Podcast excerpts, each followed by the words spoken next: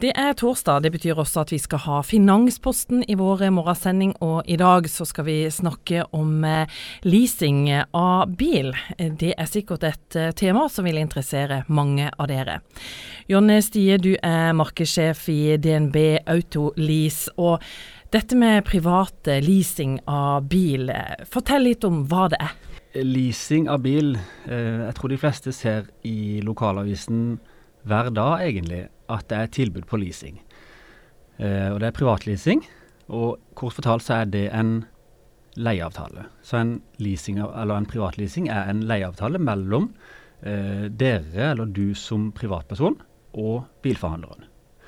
Så eh, leasing er ikke noe, det er et engelsk ord, men eh, direkte oversatt på norsk så er det leie. Det betyr at du lager en avtale med forhandleren om å leie en bil i 36, 48 eller 60 måneder. Men hvem passer det for dette med å lease bil? Ja, akkurat sånn som verden er skrudd sammen i dag, så vil jeg si at det passer for eh, de aller, aller fleste. Fordi eh, dagens bilmarked er i en utrolig endring. Det som skjer på bilmarkedet nå, er at de fleste leverandørene og fabrikkene går over til alternative drivlinjer. Fordi at eh, nå er det miljø som er pri én. Miljø, miljø, miljø. Og vi ser jo i Norge at eh, PT så er det 50 000 elbiler i det norske markedet.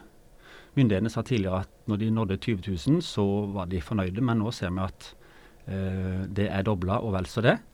Og myndighetene sier at innen 2025 så skal alle nye biler på veien være elektrifisert eller ha alternative drivlinjer. Altså ikke diesel og bensin isolert sett, kun det. Er det mange som benytter seg av å lease biler? Ja, det er flere og flere. Det er Fordelen for eh, privatpersonen er at det er risikofritt. Fordi eh, hvis du leaser en elbil i dag, eller en dieselbil eller en bensinbil, så er det bilforhandleren og eier av bilens risiko om markedet på den bilen eh, vil ha et fall i bruktmarkedet. Så det vil si at når f.eks. tre år er gått og du skal levere inn bilen, hvis bilen har en restgjeld på 200 000 og finn.no sier 150 000, at det er markedspris, så er det bilforhandleren sin, eh, sin risiko. Og du som privatperson da kan bare levere nøkkelen og si takk for i dag. Men eh, det er sikkert visse ting man bør tenke på hvis man eh, planlegger å lease en bil?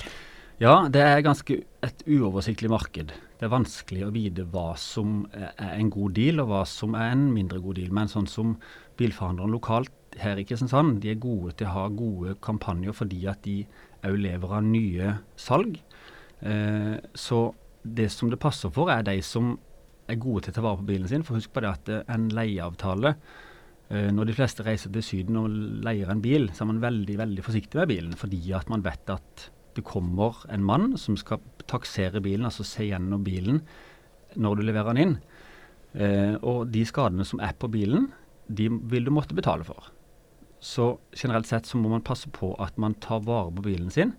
Eh, vasker den og eh, tar vare på den i forhold til eh, alle servicer. Det er kjempeviktig at man holder. Eh, og ellers ta vare på bilen som om det er din egen, selv om eh, ditt navn ikke står i vognkortet. da. Er det noe man bør være sånn ekstra ekstra obs på?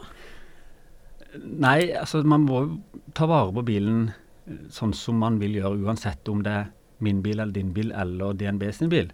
Uh, men det viktigste er at man, man forholder seg til uh, serviceskjema som da varsles i speedometeret, pluss at man er forsiktig med å Altså en skade på om det er min bil eller din bil eller DNB sin bil, så, så vil den måtte betales for. Så kjøre forsiktig og, og, på en måte ta kanskje litt ekstra vare på, på bilen som du faktisk eh, leier av oss. da. For hadde jeg lånt din bil privat, så er jeg veldig veldig nøye på at jeg må passe på å ikke skade bilen. Mm. Og sånn bør det være også. Vi ser jo det er mange som glemmer seg at de, ok, dette er en leasingbil. Det er jo ikke min bil.